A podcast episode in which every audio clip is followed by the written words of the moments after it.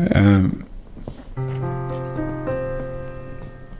du har egentlig en plikt til å reise deg igjen, fordi at du har folk som bryr seg om deg. og sånn.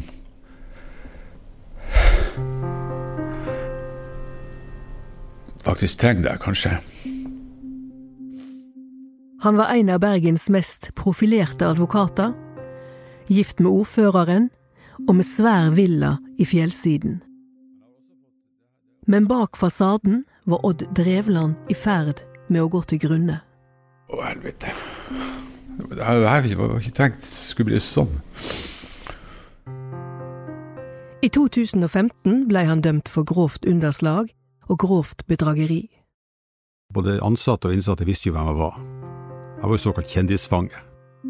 I tre episoder forteller eksadvokat Odd Drevland om eh, fallet, fengselet og forsøket på å reise seg igjen. Miniserien hører du på bt.no eller på Podmy.